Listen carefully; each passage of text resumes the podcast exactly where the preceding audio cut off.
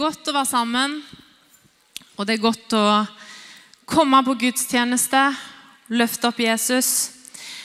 Eh, jeg skal dele et ord med dere i dag, og overskriften som jeg har eh, satt på min tale, er 'Å leve et liv som drar andre nærmere Jesus'.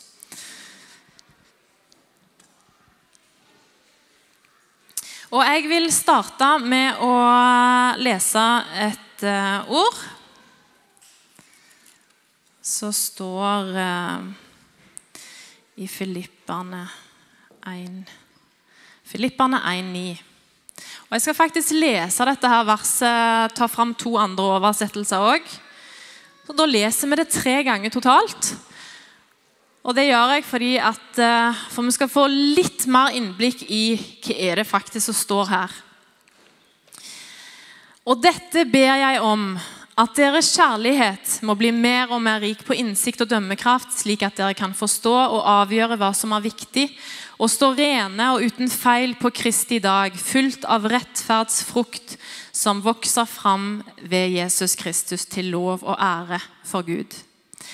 I Amplified Bible så leser vi And this I pray, that your love may abound more, and uh, displaying itself in greater depth, in real knowledge, and in practical insight, insight, so that you may learn to recognize and treasure what is excellent, identifying the best and distinguishing moral differences, and that you may be pure and blameless until the day of Christ, actually living lives that lead others away from sin, filled with the fruit of righteousness, which comes through Jesus Christ to the glory and praise of God, so that his glory may be both revealed and recognized. Herlig! Da fikk vi litt bedre beskrivelse av det, og i The Message til slutt. So, this is my prayer that your love will flourish and that you will not only love much but well. Learn to love appropriately. You need to use your head and test your feelings so that your love is sincere and intelligent, not sentimental gush. Live a lover's life, circumspect and exemplary, a life Jesus will be proud of.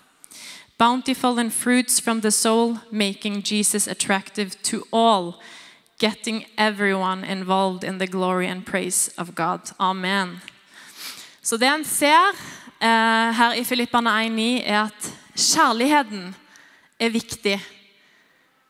Vi skal gå fram i kjærlighet. Amen. Vi skal vise Guds kjærlighet gjennom måten, måten vi, sånn som vi møter folk på. Det er viktig. Men allikevel så må vi også passe på at den er ekte. Og vår kjærlighet trenger også å bli mer rik på innsikt og dømmekraft, sånn at vi faktisk klarer å forstå hva som er viktig. Og faktisk klare å leve et liv som leder andre vekk fra synd. Altså, Måten vi lever på, vil òg lede andre i en eller annen retning. sant? Det som er viktig for oss, eh, hvis vi viser det tydelig i vårt liv, holder fast ved det, så vil en òg se at oi, det ble viktig for andre òg. Og Jeg har valgt å vinkle denne her prekenen inn på det at vi skal leve et liv som drar folk nærmere Jesus. Er dere med? Dere er med? Bra. Um, og Her kommer det òg fram i, i, oversettelsen i The Message. Det å klare å leve et liv som Jesus vil være stolt av, er ikke det noe vi ønsker? At han kan være stolt av måten vi lever på. Og så vet jeg veldig godt at jeg vil så gjerne leve etter Guds vilje hvert sekund, hvert minutt. ikke sant? Og så vet en òg at en feiler, og Gud er nådig. Sant? Om vi feiler, så kan vi få reise oss opp igjen og vi kan prøve på nytt. Det er fantastisk at vi har en nådig Gud. Eh, at vi har en frelser som har tilgitt oss syndene våre.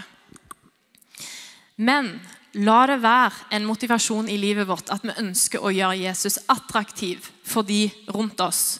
Og Da er det òg viktig at vi virkelig gir det sanne Guds ord. Forkynner det sånn som det står. Og det er jo sånn at Jesus han er ordet. Og Nå har vi òg vært inne i en, en periode der det har vært fokus på den yngre generasjonen, dette her med å overføre til neste generasjon.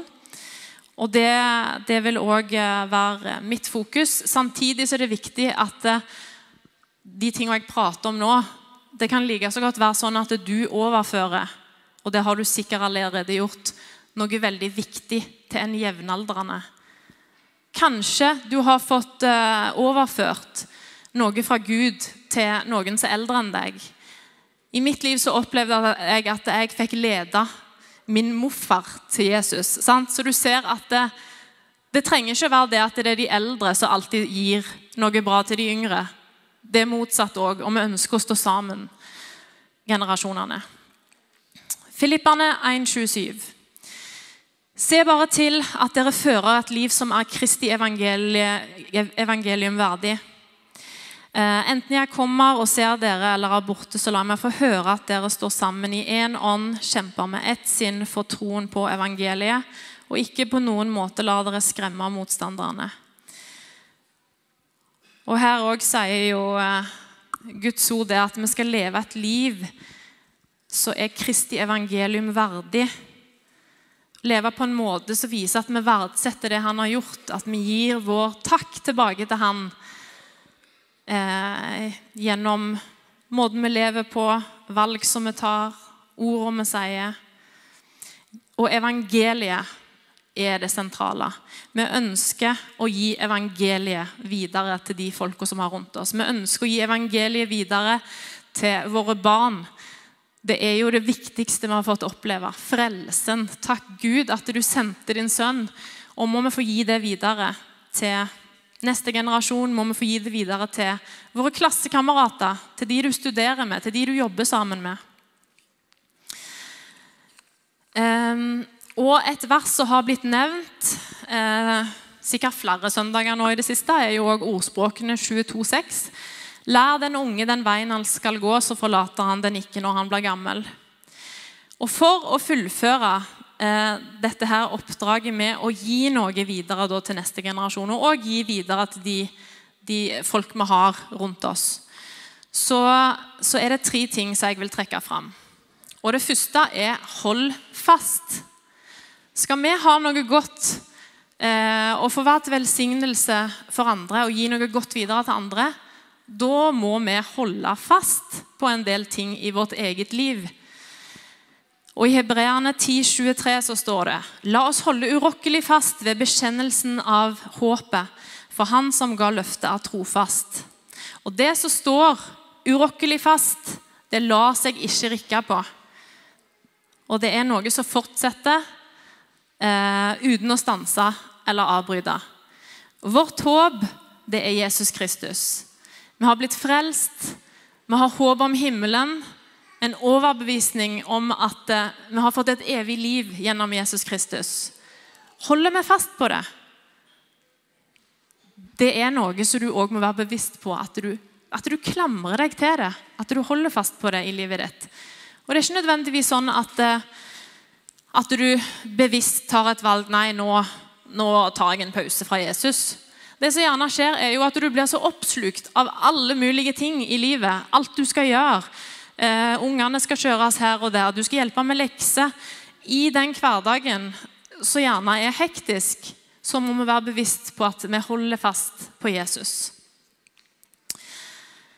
Um, og i Amplified Bible, det samme verset fra Hebreerne 10, 23, um, så står det Let us seize and hold tightly the confession of our hope without wavering. Altså det å klare å holde fast uten å drive vakle hit og dit. Vi trenger å stå fast, ha fokus på Jesus og leve tett på ham. Kolossene 2, 6-7. Dere har tatt imot Kristus som Herre. Lev da i ham, vær rotfestet i ham og bygd på ham. Hold fast ved den tro dere har opplært i, med overstrømmende takk til Gud sier mye av det samme. Det å være rotfesta i Jesus, det å bygge livet sitt eh, på Han. Eh, sørge for at du har et sterkt fundament i ditt eget liv for å faktisk kunne gi videre et sterkt fundament i andres liv. Eh, og noen av oss har kanskje blitt opp opplært i troen fra du var liten, og du har gitt livet ditt til han fra du var ung. Andre eh, har det kanskje sånn at de er ganske nye i troen og har nettopp fått tak i dette her nye livet med Jesus. Eh, men det som ordet sier, er det at vi, vi må være vise og klare å være rotfesta i Han. Og da må en òg gi rom for å være nær Jesus i løpet av dagen. ikke sant? Og bygge vårt liv som en vis byggmester. Og Tidligere også, når jeg har vært inne på dette her verset, så tenker jeg faktisk på en vis byggmester som jeg kjenner veldig godt, og det er jo min far. Og han er faktisk den dyktigste byggmesteren i verden. Det er helt sant. Jeg snakket med han faktisk sist når jeg var på besøk. Så, altså han, Alle skryter av han. Han gjør ting så bra. Og Jeg vet ikke om dette er noe du kjenner deg igjen i, men når jeg ser ting som han har gjort, listing jeg bare nyter å se at det er gjort ordentlig. Er det noen som har det sånn når de ser på sånne ting? Ingen? Bare meg. Men i alle fall, han, han gjør en god jobb. Og jeg spurte han far om du har noen gang fått en klage fra en kunde. Nei, det kunne han ikke huske. Sant? Så han er verdens beste. Han er det. Men vi må tenke sånn at det er, vi bygger ordentlig. Vi legger et skikkelig fundament. Og så er det òg sånn at vi går gjennom ulike faser i livet. Og jeg vet at i forsamlingen her så er det mange som har vært gjennom krevende tider. Som har gått gjennom tøffe ting, gått gjennom krise. Og i de tinga så er det så trygt og godt å vite at eh, når vi har troen på Jesus og holder fast på han, så gir han oss òg styrke til å klare å gå videre. Er ikke det godt å kjenne på? At vi har en alltid som vi kan gå til. Um, og um, nå har vi altså pratet om det å holde fast, og det neste punktet er å gi videre. Hva skal vi gi videre? Stefan prekte om det for et par-tre uker siden. Og da sa han vi skal gi videre alt. Altså, Hvis du først skal gi videre dette livet med Jesus, så vil du jo gi alt, vil du ikke det? Altså, Da ønsker en jo å lære dem alt. Altså mine erfaringer. Eh, forklare dem om eh, Bibelen. Eh, vise sånn praktisk. For, altså, hvis du tenker på barn og unge, så ser jo de på hvordan en lever. Hvordan lever de som er eldre enn oss, livet sitt. De ser jo på, på deg, og du blir et eksempel så la det være et sånn eksempel til etterfølgelse. Og det barn og unge trenger å få høre Og nå snakker jeg ikke bare om våre barn som vi har her i menigheten. Det gjelder jo alle barn. Alle Norges barn, alle verdens barn. De trenger å få høre at det er en skaper. At det er en Gud som har skapt dem. At de er høyt elska. At Gud faktisk elsker eh, oss så høyt at han ga sin eneste sønn. Vi trenger å få høre evangeliet om at det fins en Gud, at det fins en hensikt med livet. Og så er det òg sånn at eh, nå Esther, vet du, skal du få gjøre denne oppgaven som vi hadde planlagt. Den unge generasjonen trenger å få overført eh, Guds ord. Takk. Og da vil vi jo at de skal få Guds ord i sin helhet. Ikke bare plukke ut noen få ting her og der. Dette er gode ting å leve etter. Vi vil gi, gi dem hele Guds ord. Og så så du sikkert det kom en sånn opp på, til meg her nå. Polyturmix. Så hver gang du eh, kjøper en polyturmix, så husk dette som jeg nå skal si. Ikke sant?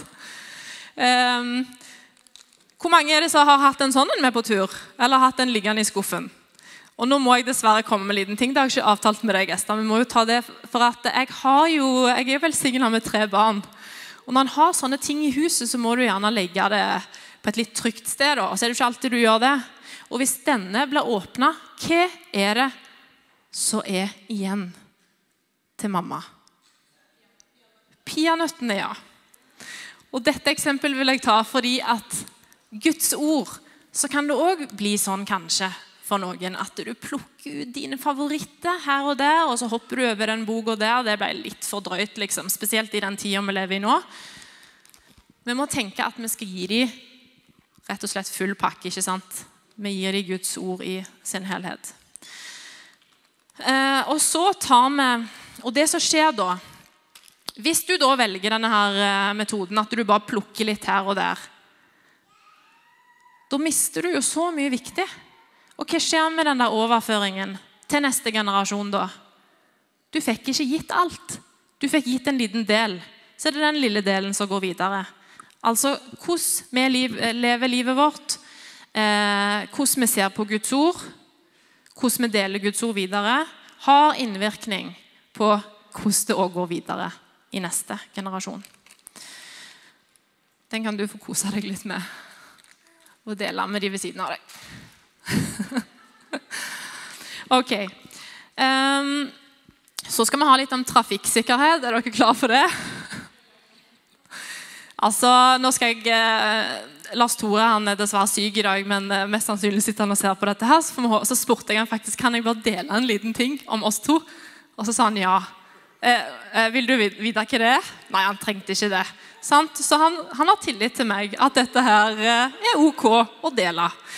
Så det er rett og slett at eh, når du er gift, da Noen som er gift? Opp med hånd. Har dere merket at av og til er det sånne de samme diskusjonene du kommer inn i? Kan komme igjen litt? Nei? Nei, Vi har hatt en sånn greie da, i bilen i alle fall. Og jeg er jo veldig på det. altså følge, Vi følger jo trafikkreglene, ikke sant? Vi, vi, jeg fikk overført mye viktig eh, kunnskap fra min, eh, min eh, tra, han som lærte meg opp, trafikklæreren min. Og, og, noe jeg husker veldig godt, det var at når du skal ut, kjøre ut på motorveien f.eks., komme opp i fartsfeltet Nå tester jeg dere. Hva skal du huske før du legger deg ut på motorveien? Blindsona, ja! Bra! Veldig bra. Men ikke bare blindsoner. Og speil, men blindsoner i tillegg. Så har vi hatt en liten diskusjon på dette her med Lars Tore. For at eh, han mener at eh, det gjerne holder med å bare se i speilene. For hvis du ser i speilet, eh, speilene eh, lenge nok, så vil du jo se om det kommer en bil i blindsona. Men da har jeg hatt denne her til han. Et godt argument. Hva hvis det ligger en bil i blindsona, da? Så har samme nøyaktig samme hastighet som deg hele tida. Vil du se den bilen da? Nei. Så sjekk blindsona. Og jeg har bestemt meg for at dette skal jeg, du skal være trygg, Ester. Dette skal jeg lære deg opp i dette her med blindsona. Men sant, du kan ikke plukke vekk den regelen der og den regelen. Altså, det, det går ikke bra hvis vi holder på sånn. Altså, Lars Tore er en veldig god sjåfør. Han er det. Og jeg føler meg trygg når jeg sitter på i bil med han. Så det var ikke sånn veldig negativt, altså. ok. I Lukas 18,6 eh, så har vi også hørt dette en tidligere søndag. Det å la de, små, la de små barna komme til meg. Jesus sier, 'La de små barna komme til meg'. Og Nå vil jeg komme noen sånne, med noen underpunkter på det. Fordi når barna kom da til Jesus, så var det jo pga. en aktiv handling fra de voksne. Var det ikke det? Var det noen voksne som kom med barna til Jesus? Eh, og faktisk når du delte, Jeg tror det var du som delte det, Stefan, så begynte jeg å tenke og drev jeg og forberedte min egen preken, så tenkte jeg på dette her at eh, vi må være aktive. Gjøre noe aktivt for å få våre barn til å komme til Jesus. Eh, og vi kan gjøre det på forskjellige måter. Jeg har vært litt inne på det allerede. For det første dette her med å overføre eh, Skriften, Guds ord. At vi deler troen vår, vi deler fra Guds ord til dem. På den måten så tar vi dem med til Jesus, og vi lærer dem opp i hva det vil si å følge Jesus. Og som jeg også sa i stad, det at du òg gir Guds ord i sin helhet. Hans ord som er ekte rent og full av kraft. For det andre så er det dette her med bønnen.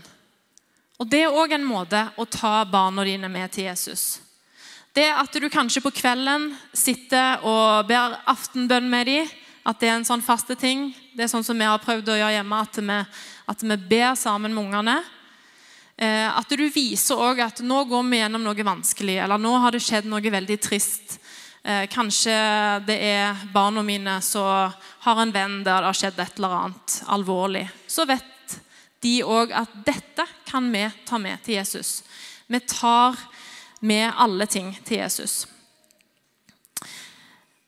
Eh, men dette med bønnen er jo òg en plass der vi kommer bare for å si takk. For å uttrykke vår takknemlighet til Jesus. Og Det er òg noe som vi kan ta ungene med i. Vi kommer til Jesus, vi gir han takk. Det å komme til Jesus det er også et sted der det bare, det er bare godt å bare være der helt i ro og fred og bare være i hans, eh, i hans nærhet. Um, og så er det òg det med å vise at du òg gir rom for bønnen i hverdagen. Og så vet jeg at det fins noen som er utrolig flinke på å ha sånn god struktur i løpet av uka, der de faktisk får gitt rom for disse her tingene. At du får delt med dine barn, at du får delt fra Guds ord, du får bedt sammen med dem. Og hvis det skal fungere i lengden, så er det faktisk, har jeg merka sjøl òg, en må prøve å få til noe fast. Meg og Ester, da, siden du er her i dag, så kan jeg jo nevne at eh, noe som meg og Ester ligger å gjøre sammen, da, det er å gå tur. Og Der òg får du gjerne en prat. Så er det alltid så fint, for hun er så positiv hver gang jeg spør henne. Vil du være med på tur, Ester? Ja! ja. Det er kjempefint. Men å finne de der stundene der du får vært alene og sammen med kanskje ett av barna dine, da, hvis at du har flere. At du får en sånn viktig stund sammen med dem. Kjempeviktig. Jeg har ei bok her så jeg har etter min farmor, som dessverre ikke lever lenger. Hun er i himmelen med Jesus. Men eh, fra bønnens verden av Hallesby. Og utrolig fin bok om bønn. Men der står det òg beskrevet at bønnen er å slippe Jesus inn. Utrolig sånn fin beskrivelse. Når du kommer til Jesus og begynner å be, så er det akkurat som du liksom bare du lukker opp for ham. Du slipper han inn. Og Det er en viktig ting å, vise og gi videre til våre barn. At så enkelt er det faktisk. Du henvender deg til Jesus, og akkurat idet du gjør det, så slipper du han faktisk inn. Nummer tre. altså Nå har, vi, har, jeg snakket om dette med overleveringen av Skriften, bønnen og så gudstjenesten. Vi kan la våre barn komme til Jesus gjennom å komme på gudstjeneste. Og Jeg er så takknemlig for at jeg vokste opp i et hjem der jeg hadde foreldre som tok meg med på gudstjeneste. Og er det sånn at vi alltid har kjempelyst til å dra på gudstjeneste? Ja! Det skal iallfall Altså, lysten. Du vet. Men kan vi kjenne på at i dag hadde det vært godt å Nei, det skal vi ikke kjenne på, Stefan. Det kan hende noen andre kjenner det. hadde det vært godt nå å bare tatt det litt rolig, for det har vært en litt hektisk uke? Vet du hva, Stefan? Helt ærlig så kan jeg kjenne Jeg kan av og til kjenne hvis jeg kjenner veldig godt etter. Men det er sjelden. Tenk på det at mine foreldre de tok oss med fast hver søndag. Og selvfølgelig så var det kanskje en eller annen søndag der en var vekkreist på noe. Men det var noe fast i løpet av uka. Og det er så viktig. Og vet du hva? Jeg kan bli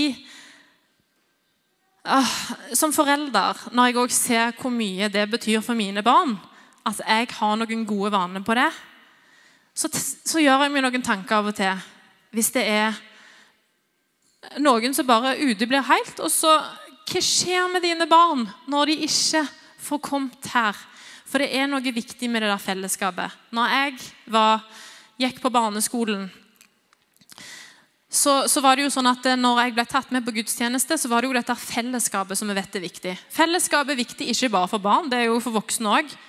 Altså Hvis du kommer på en gudstjeneste og ingen hilser på deg, ingen tar imot deg, da blir det jo ikke fint å gå på gudstjeneste. Men det er fellesskapet og det å ha andre venner som er troende, det er utrolig verdifullt. Og utrolig viktig. Og der kan vi foreldre faktisk hjelpe litt til. kan vi ikke det? Jo, vi tar ungene våre med. Vi prøver å koble dem på andre barn i, i kirka. Der er det så mye viktig vi kan gjøre for å få overført Jesus videre. Og I gudstjenesten så vet vi jo òg at vi kommer sammen, vi lovsynger. Og det er òg utrolig godt for et barn å få være med på. Og tror vi at Gud kommer og møter våre barn på en gudstjeneste, tror vi at de kan kjenne at han er til stede. Selvfølgelig kan de det. Og det vet jeg så godt sjøl, for jeg har gått på gudstjeneste siden jeg var et barn. At det var godt å komme der og være i hans nærhet. Og så har jeg òg prata med en del folk. Eh, så òg kommer med sånn innrømmelser på det at etter pandemien så har det kanskje skjedd noe med vanene våre. Og at eh, vi tilpasser oss jo. Vi tilpasser oss jo det å følge med på digital gudstjeneste og, og ja. Men i alle fall at eh, eh, Det er noen som har delt med meg da at eh, jo, faktisk, etter pandemien så ble det ble litt sånn eh, sløvt med de gudstjenestene. Det fine hvis du merker det, er jo at du faktisk er bevisst på det. Og så er det kanskje noen av oss som trenger å ta en ny bestemmelse på at dette skal vi satse på.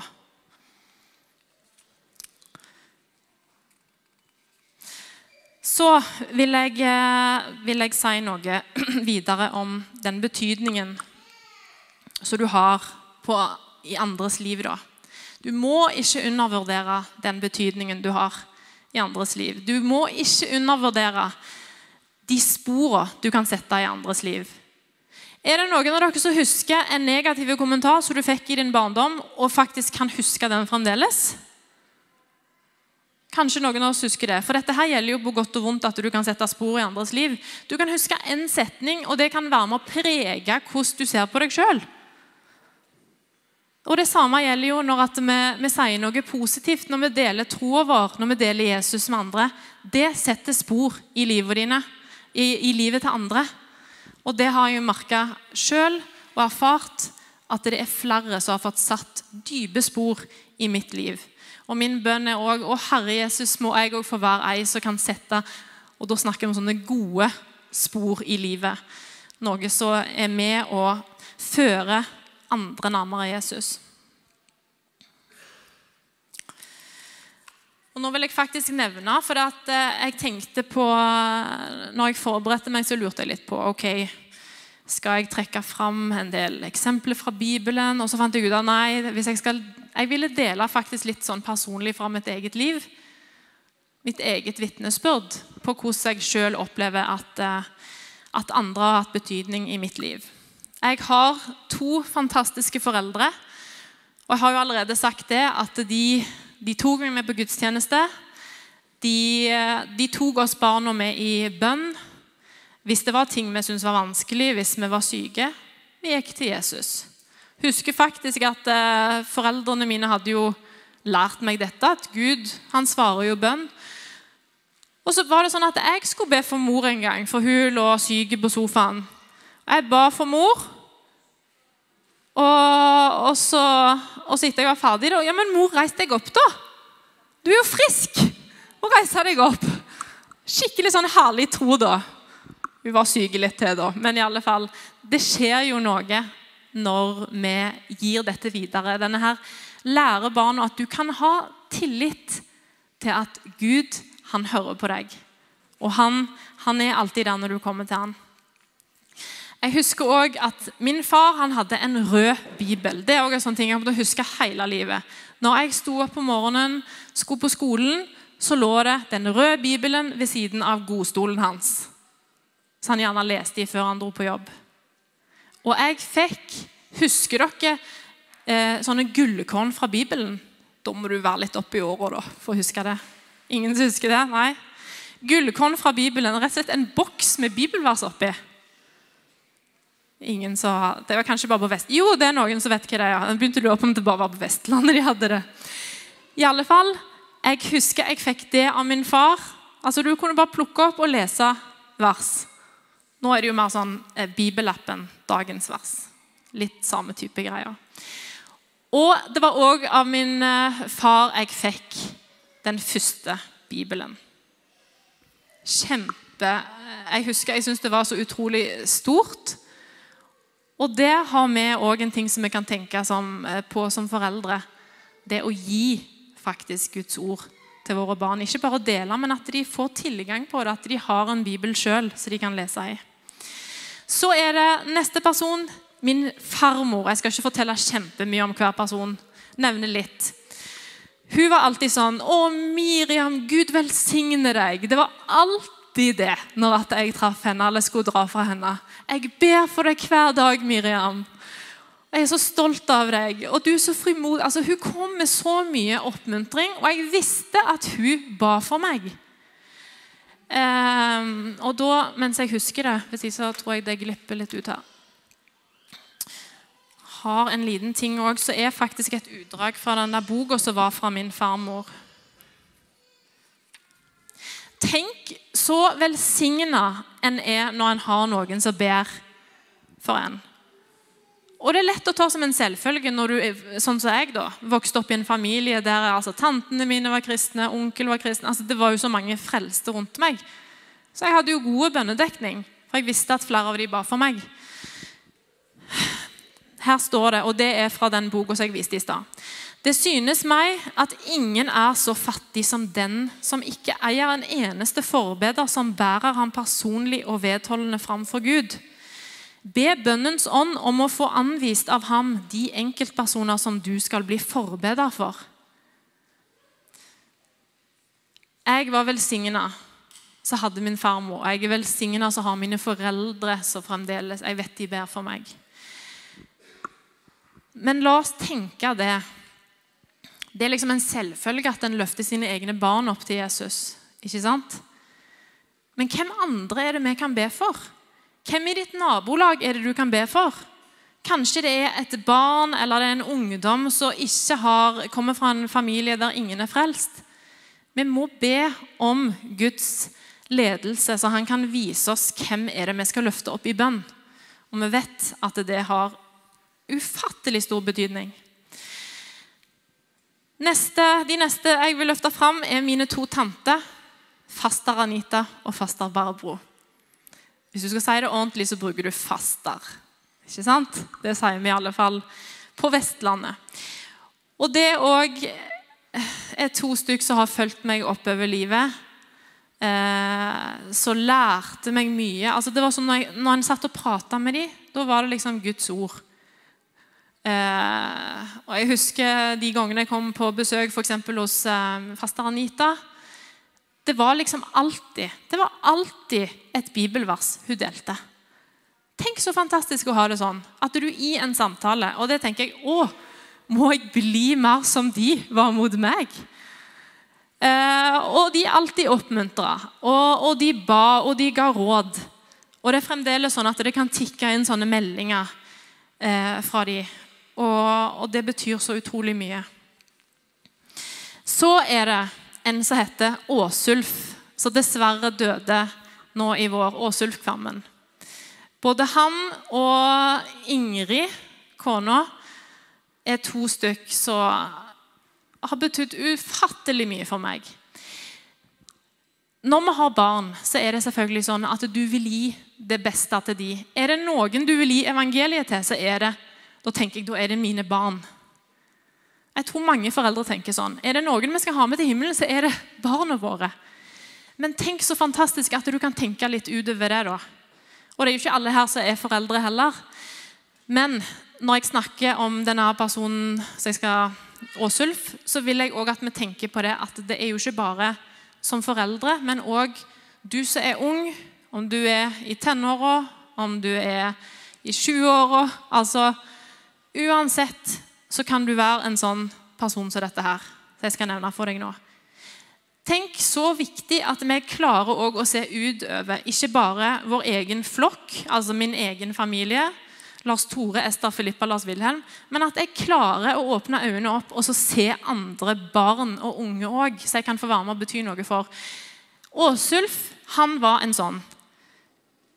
han var til stede på ungdomsmøtene.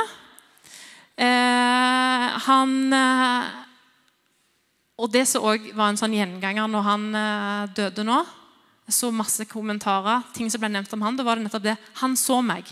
Han så meg. Han så meg. Han, han tok tid til meg. Han prata med meg. Han var en sånn. Når jeg var i ungdomsarbeidet, så ble jeg engasjert i mye forskjellig. Det var lovsang, eh, prekte, var med på masse forskjellige arrangementer. Hvis Åsulf var der, da visste jeg Hadde jeg vært på scenen, hadde jeg gjort en ting, hvem var det som kom og ga meg en tilbakemelding etterpå? Det var han. Jeg kan til og med fremdeles huske akkurat hvor jeg sto når jeg fikk eh, den oppmuntringen fra han etterpå. Jeg husker mange av de der stedene. Det har satt så dype spor. Så takk Gud at det fins sånne. Og må du, Herre, òg hjelpe oss til å være sånne for andre. Og det som jeg eh, fikk Jeg er sånn som er veldig Og det er òg en ting som vi kan lære opp de yngre til. Når du får ord fra Gud, så ta vare på det. Altså, Jeg har ei bok for forskjellige ting. Det er liksom Ord fra Herren-boka, så er det bønneboka. så er det det er Kjempefint. Det har jeg prøvd å faktisk eh, gi videre til Ester nå. At de har fått en sånn bok som de kan ha med seg på møtene hvis de skal ta notater. Og jeg vet bare selv, Hvis jeg ikke hadde skrevet ned og hatt dette et sted, så er det så utrolig mye jeg hadde glemt. Jeg kan bla opp i en sånn bok, og så kan jeg se Å, herlighet! Kjære Gud! Det var jo, altså Du ser liksom at du har, uh, han har lagt ting til rette. Han sa noe til deg, han kom med et ord til deg, og plutselig så står du midt i det. Um, men Åsulf han var òg en som sendte melding når du hadde bursdag. Jeg, jeg syns jeg kan huske at han faktisk ringte dagen før jeg skulle gifte meg òg. Oh, så Nå holder jeg bare Det har falt av, det er derfor jeg holder det sånn. Men dette er altså CD. Føler meg litt gammel. CD, Det var sånn vi hørte på musikk før. da. Det som var litt dumt, var jo at det ble alltid ribe og hakk i CD-en, så da begynte jo musikken å hoppe. Det skjer jo ikke på Spotify, heldigvis. Men i alle fall, eh, lovsanger fra Jæren det er jo Åsulf Kvammen. da. Han har jo gitt ut mye musikk, så har betydd mye for meg. Men jeg skal ta fram Han skrev eh, inni her til meg på 18-årsdagen. Eh, jeg leser ikke alt, men noe av det han skrev, var Har lært å sette stor pris på deg, ønsker deg alt godt i årene som kommer, og håper du vil fortsette å tjene Jesus slik du gjør i dag. Og så har han tatt med et vers her. Jeg er Herrens tjenestekvinne. La det skje meg etter ditt ord. Denne var òg fra Ingrid, da. Og vet du hva? Det verset der det har vært et sånt vers som har fulgt meg. La meg få være din tjenestekvinne, Herre. Og nå glemte jeg nesten noe viktig, som han òg skrev her. Skal vi se. Ta vare på det du får i hjertet ditt fra Jesus, og i enkelte perioder bare dele det med noen som forstår deg. Utrolig godt råd, for sånn er det i perioder. At det er noe som du kanskje skal bare bevare i hjertet ditt. Kanskje du bare skal dele det med en venn, Er det noen som kjenner at ja, du vil være en sånn person? Kjenner dere lysten bare til det kommer? Det er bra. Det er iallfall min bønn at jeg kan få være med å gi noe viktig videre. Fremdeles så har jeg mange folk rundt meg som betyr mye. Og det må en òg passe på. Altså Samme hvor gammel du blir, om du blir voksen. Det er jo ikke sånn at du ikke trenger folk rundt deg eh, nå lenger. Jeg har mange dyrebare venner som betyr mye for meg som følger meg i de tingene som jeg står i. Det er så godt å ha sånne. Eh, Nathanael, har vi han her inne? Å oh, ja, han har dratt ut til kids, ja. Greit. Men du, da får alle bare gå bort til Nathanael etterpå og så fortelle at jeg uh, hørte noe utrolig fint om deg. Det må dere gjøre. Hvis alle gjør det, så blir han sikkert veldig oppmuntra. Nathanael han, eh, han, eh, meg og Lars Tore tenker i hvert fall at han er på en måte en del av vår familie. Han har blitt en veldig nær og god venn. Og betyr mye for oss. Eh, det er sånn når du, når du blir kjent med andre, så opplever mye bra og har hele tida nye erfaringer med Jesus. Det er så forfriskende. Så for oss å bli kjent med han, det er bare ja, det er så utrolig godt. Vi har blitt så glad i han. Og vi ser òg hvor mye han betyr for våre barn. Og Jeg skulle gjerne hatt han her nå, men derfor må dere bare ta dette videre til han da. I alle fall, helt utrolig. Et sånn godt eksempel på noen som gir noe til barna. Eh, en ting jeg har lagt merke til, og det har jeg tenkt pleier jeg å gjøre det. Hvis han har vært på besøk hos oss, så er det gjerne sånn Først er det masse liv, alle vil leke med Nathanael, alle vil spille fotball med Nathanael. Og så forsvinner kanskje ungene og gjør noe annet, og så er det de voksne som igjen og snakker. Når Nathanael da skal dra, da går han opp til ungene, tar seg god tid til å si ha det bra til dem. Så tenkte jeg jeg er ikke flink til å gjøre det? Men det er bare sånne ting du legger merke til. Wow! Så utrolig bra. Når han har en samtale rundt middagsbordet Han prater ikke bare til oss voksne. Det kan jo av og til bli litt sånn vet jeg selv, liksom, Vær litt stille nå. Nå skal mamma snakke med en venn her. Hvis du bare venter litt. Han tar ungene med i samtalen, og det er liksom alltid et vitnesbyrd. Alltid et eller annet han har fått oppleve med Jesus. I alle fall de gangene har vært, eh, jeg har vært til stede. Takk Gud for at det finnes sånne som er å ja, der er du jo! Nathanael. Da gir man en applaus.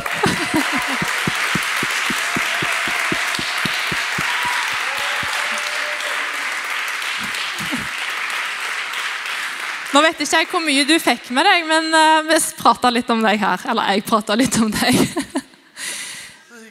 Tusen takk, Nathanael. Vi snakker om det å gi Jesus videre til andre. Og nå fortalte jeg nettopp om hvordan det er å ha deg på besøk.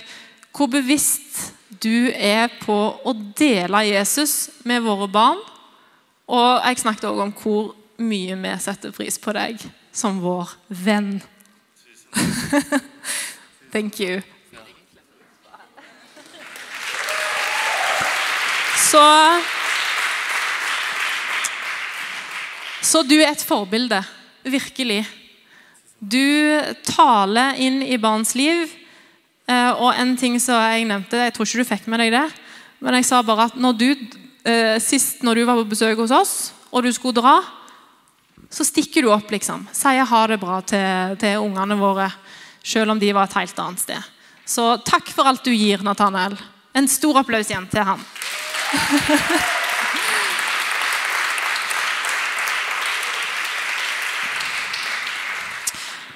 Greit.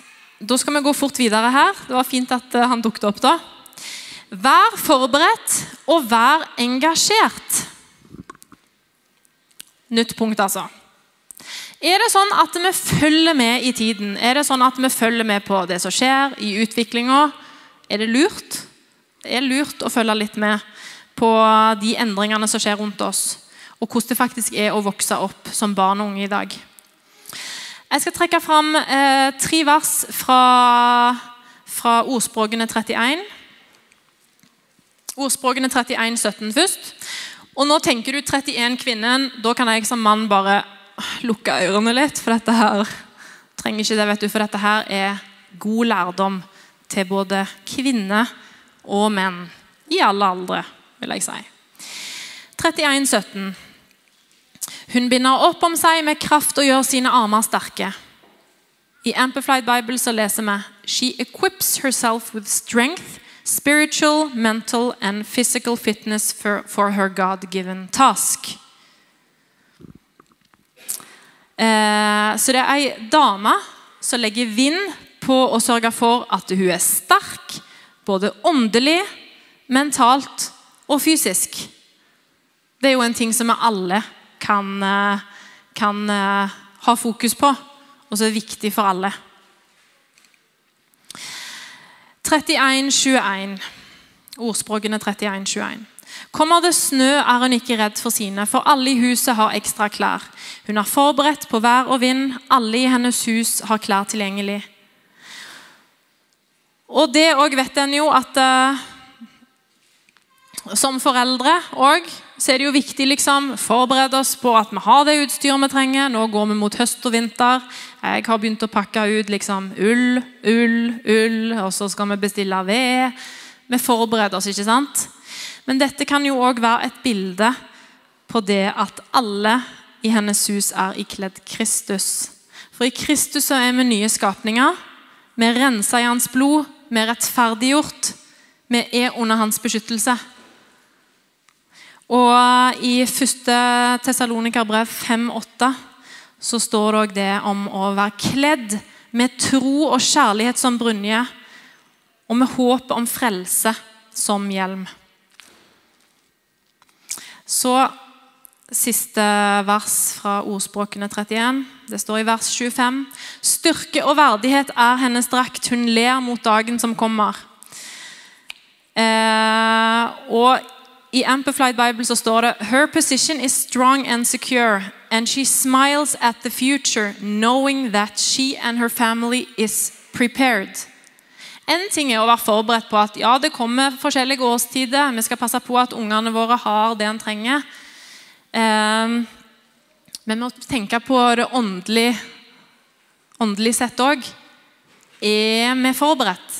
Er mine barn forberedt? Har jeg gitt dem den opplæringen som de trenger i Guds ord. Sånn at de kan møte livet. Og så vet en jo òg at dette her er en prosess. Det tar jo tid. Men så er det jo også sånn når du har barn som bor i ditt hus, så bor de jo der noen år òg, så du har muligheten til å få gitt dem noe viktig videre på veien. 31-kvinnen, et utrolig godt eksempel til å følge etter. Ei dame som våger over sitt hus hun har oversikt over hvordan det står til. Hvordan går det egentlig med barna mine? Er det noen behov, er det noen spesielle ting jeg bør tenke på nå? Hun er i forkant og forberedt på det som måtte komme.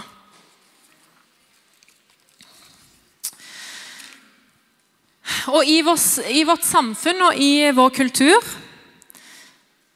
så må vi ikke glemme at det er mye som er bra. Eh, men det er òg mye som taler imot våre overbevisninger og vår tro. Eh, og som voksne og som foreldre så trenger vi å være bevisst på hva er det egentlig, hva type budskap er det som blir, blir forsynt til våre barn. Forsyner vi bare i kirka? Det fins jo forkynnelse andre steder òg, gjør det ikke det? Det blir forkynt eh, forskjellige typer budskap. Og vær klar over eh, og hvor disse her budskapene blir forkynt. For det er jo sånn at du er, når du er i kirka, så hører du ting ut ifra Guds ord. Når du er et annet sted, om du er på skole, eh, om du leser aviser, så er det plutselig en helt annen vinkling på ting. Og Da trenger jo òg våre barn å bli litt forberedt på hvordan du møter verden der ute. Vi er ikke av verden, men vi er i, i verden. Um, og så må en tenke på um, Er det sånn at Guds ord har den plassen det bør ha i mitt liv? For Jeg snakket jo først om dette her med å holde fast på. At jeg sjøl er bevisst på hva jeg skal holde fast på. Sånn at det faktisk skjer en viktig overføring, og at eh, mine barn og de jeg har rundt meg, at de får det viktigste med seg videre i livet. Er det sånn at jeg er hengitt til Guds ord? Er det sånn at jeg respekterer Guds ord? Og hva konsekvenser vil det ha når vi overfører videre eh, hvis den respekten og den hengivelsen egentlig ikke er der? Hvordan vil da våre barn møte verden der ute? Ytringsfriheten nevnte Anne i stad. Og det en ser, Hvis at du følger litt med i avisene, så ser du det at uh, ytringsfriheten den har vi fremdeles. Men det rommet for å ytre seg i ulike saker i offentligheten har blitt trangere. Og hvordan merker vi det? Jo, du ser at noen våger å uttale seg om noe. Rett etter du har sagt det, så er de på deg. Så blir du anklagt for det ene og det andre. Og så Det jeg tenker mye på, og da gjelder det ikke bare liksom oss som kristne, men òg utenfor kirka. Dette her med fruktkulturen. Ok, Hvis vi da bare lar være å si det, for det, det beste er jo Altså, det koster for mye. Da sørger vi jo sjøl for at det rommet for å ytre seg blir enda trangere. Det er akkurat som du binder deg sjøl på både hendene og føtter. Så vi må, i alle fall i, når du er i en situasjon der du vet at her må jeg bruke ytringsfriheten. Her må jeg eh, snakke høyt og tydelig om hva jeg syns er rett og sant. Hvis du kjenner det, så gjør det. Og der vet vi òg at, eh, at Gud han leder oss. Vi trenger å være engasjert. Barn og unge i dag de er på søken etter en mening med livet. Eh, og noen eh, i denne her lengselen da, til å finne en mening, så er det kanskje det å ønske å bli anerkjent, anerkjent sett, likt og elska. Det tror jeg nok er et uh, grunnleggende behov som de fleste har det å virkelig bli elska og bli satt pris på av noen. Og det fins mange kloke unge mennesker der ute og her inne. Det gjør det. Så ta gode valg, så er trygge på seg sjøl. Men det en òg ser, er dessverre at det er utrolig mange som sliter. Som er forvirra, som er desillusjonert. Så prøve å finne et svar på hvem de er. Se på søken etter det her med identitet. Hvem er jeg? Hva skal jeg? Og Det er ingen tvil om at våre barn eh, vokser opp i en helt annen tid enn det som vi gjorde. Og Det har sikkert vært nevnt i mange prekener før. Bare dette her med mobiltelefonen, alt de har tilgang på. Du har tilgang på så utrolig mye bra, og så utrolig mye som ikke er bra for deg. De har liksom hele verden i sin hånd når de har en telefon. Og det òg er med å påvirke, og det må vi være bevisst på. Så det vi velger å gi videre til våre barn, det er avgjørende. Og vi tror og vi ber om at våre barn skal ha ei velsigna framtid, gjør vi ikke det? Det gjør vi. Og i den bønna kan vi jo òg ta med ikke bare de her, barn og unge her, men òg barn og unge som vi har i vår omgangskrets. Og vi vet at eh, å, våre barn kommer til å gå gjennom forskjellige årstider. Og da tenker en òg liksom på dette her med at de vil møte utfordringer i livet. Det er vel ganske få av oss som klarer å gå gjennom livet, og alt blir akkurat sånn som du hadde forestilt deg. Altså, Barna våre trenger òg å bli forberedt på at det, det koster å følge Jesus. Det gjør det. Det kan bli krevende. De trenger å bli robuste. Og hvis de skal bli robuste og kunne tåle å bli stående i troa på Jesus, så trenger de nettopp denne her dyrebare overføringen fra oss. Så litt til slutt om eh, noe som Anne nevnte i stad. Og Det går på det å være engasjert, våge å stå opp for det som er sant og rett. Og Det fins saker der det er utrolig viktig at voksne taler barnas sak. Eh, F.eks. når en ser at samfunnsutviklinga eh, går i en sånn retning som ikke er hensiktsmessig for barn.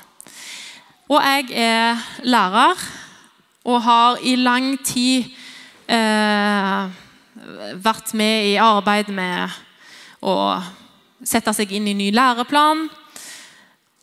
Så er en, eh, det er ikke sånn at jeg sier at alt i den læreplanen er negativt. ikke i det hele tatt. Jeg har funnet noen ting som jeg reagerer på. Læreplanen er full av gode ord om hva vi skal gjøre for barna i skolen. Det står bl.a.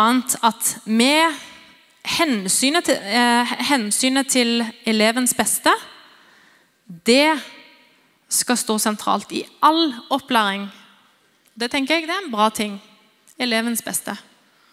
Tenker vi ikke det? Elevens beste. Det som er til elevens beste. Det er bra. Det står òg mye om det at vi skal være med og ivareta barns identitetsutvikling. Det òg er positivt. Kjempepositivt at vi kan være med og bidra der, vi som jobber i skolen. Vi skal òg sørge for at barna og elevene får lagt et godt grunnlag for at de kan få ta gode livsvalg. Og det òg tenker jeg tommel opp. Kjempebra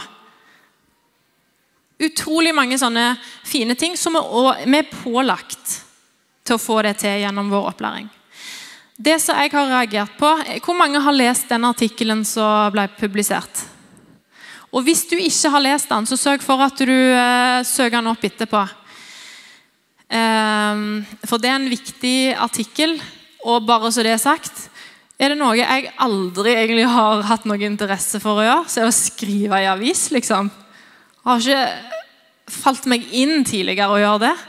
Og det som gjorde at jeg plutselig sto der og tenkte jeg må skrive, var at jeg så at i, i eh, kompetansemål og i lærebøkene Nå er det lærebøkene jeg har reagert på i denne artikkelen.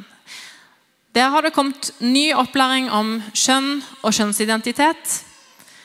Kjønnsidentitet det er jo en sånn ting Hvis du uttaler deg om kjønnsidentitet, det er et så eh, Ja, et veldig sånn eh, omdiskutert tema.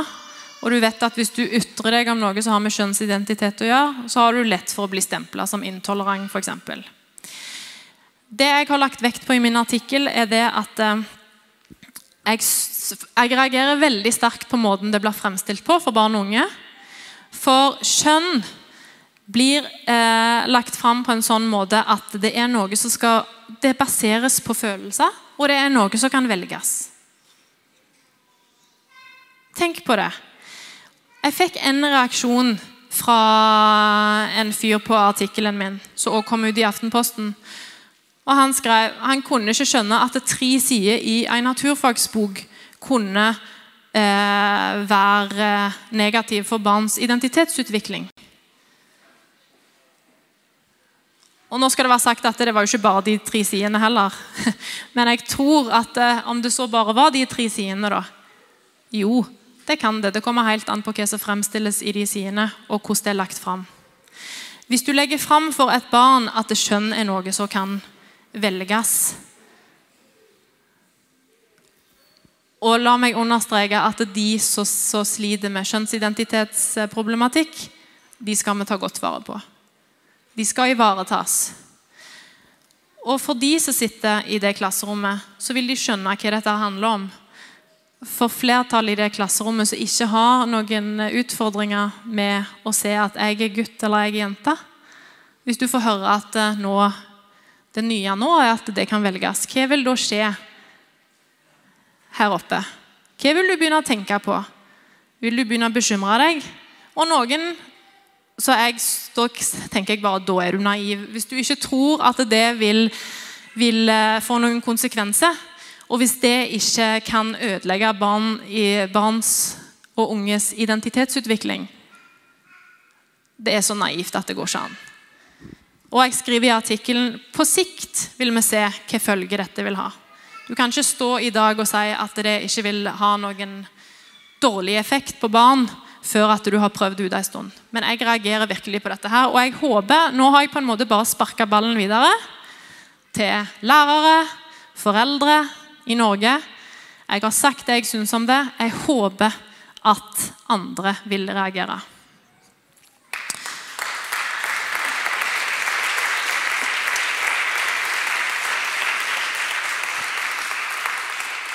Til slutt, nå går jeg mot en avslutning. Eh, som sagt, noen hevder at noen få sider i ei lærebok kan ikke eh, virke ødeleggende på noen helst måte. Men det er noe som skjer når vi endrer språket. Det er noe som skjer når vi innfører nye begreper, definerer eksisterende ord på en helt ny måte. Det endrer vår virkelighetsoppfatning. Det er det som skjer. Du endrer virkelighetsoppfatningen til barn.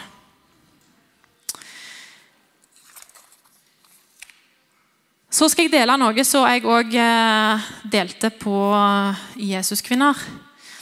Eh, det er Lisa Bever, som la jo dette her på Instagram for flere måneder siden.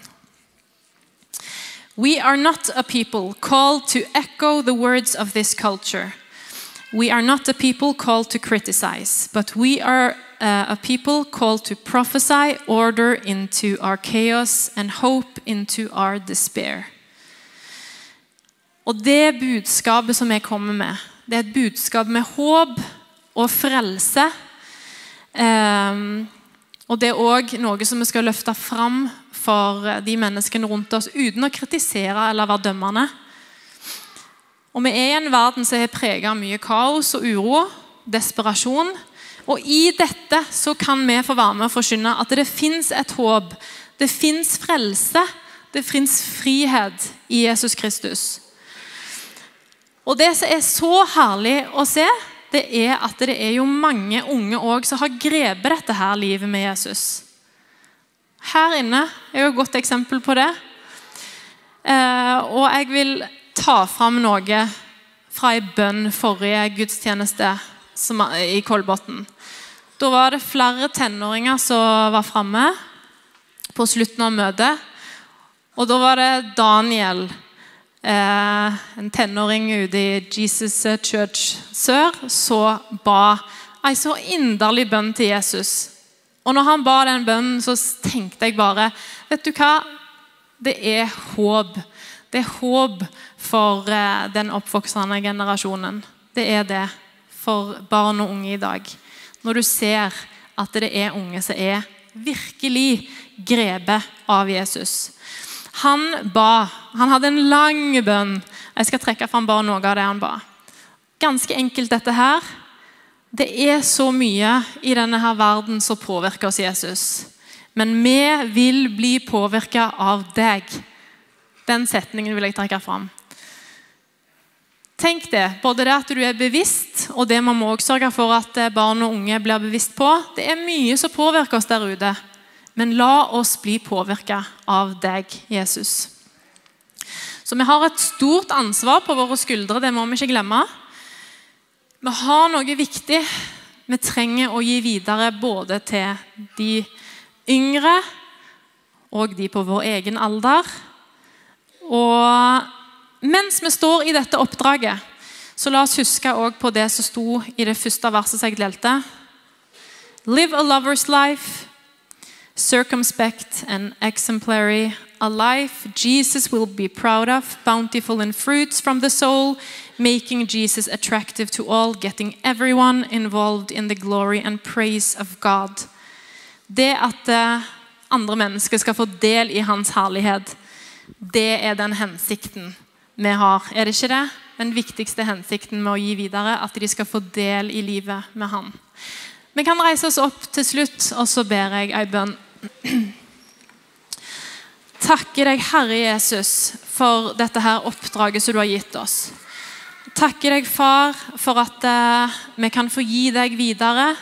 Vi kan få gi deg videre til, til våre barn. Vi kan få gi deg videre til våre medelever, medstudenter, kollegaer som vi har. De i nabolaget vårt. Og jeg ber om visdom, Herre Jesus. Jeg ber om visdom til å, til å se hva vi skal prioritere, hvordan vi skal legge opp dagene våre, Herre. Takk at du leder oss ved din ånd, Herre. Og takk at du gir oss kraft, Herre, til å stå i det kallet du har kalt oss til, far. Takk for frelsen, Jesus. Takk for dette livet du har gitt oss, Herre. Og vår bønn er, Herre, at eh, vi skal få gi dette livet videre, Herre til de som vi omgås. I Jesu Kristi navn. Amen.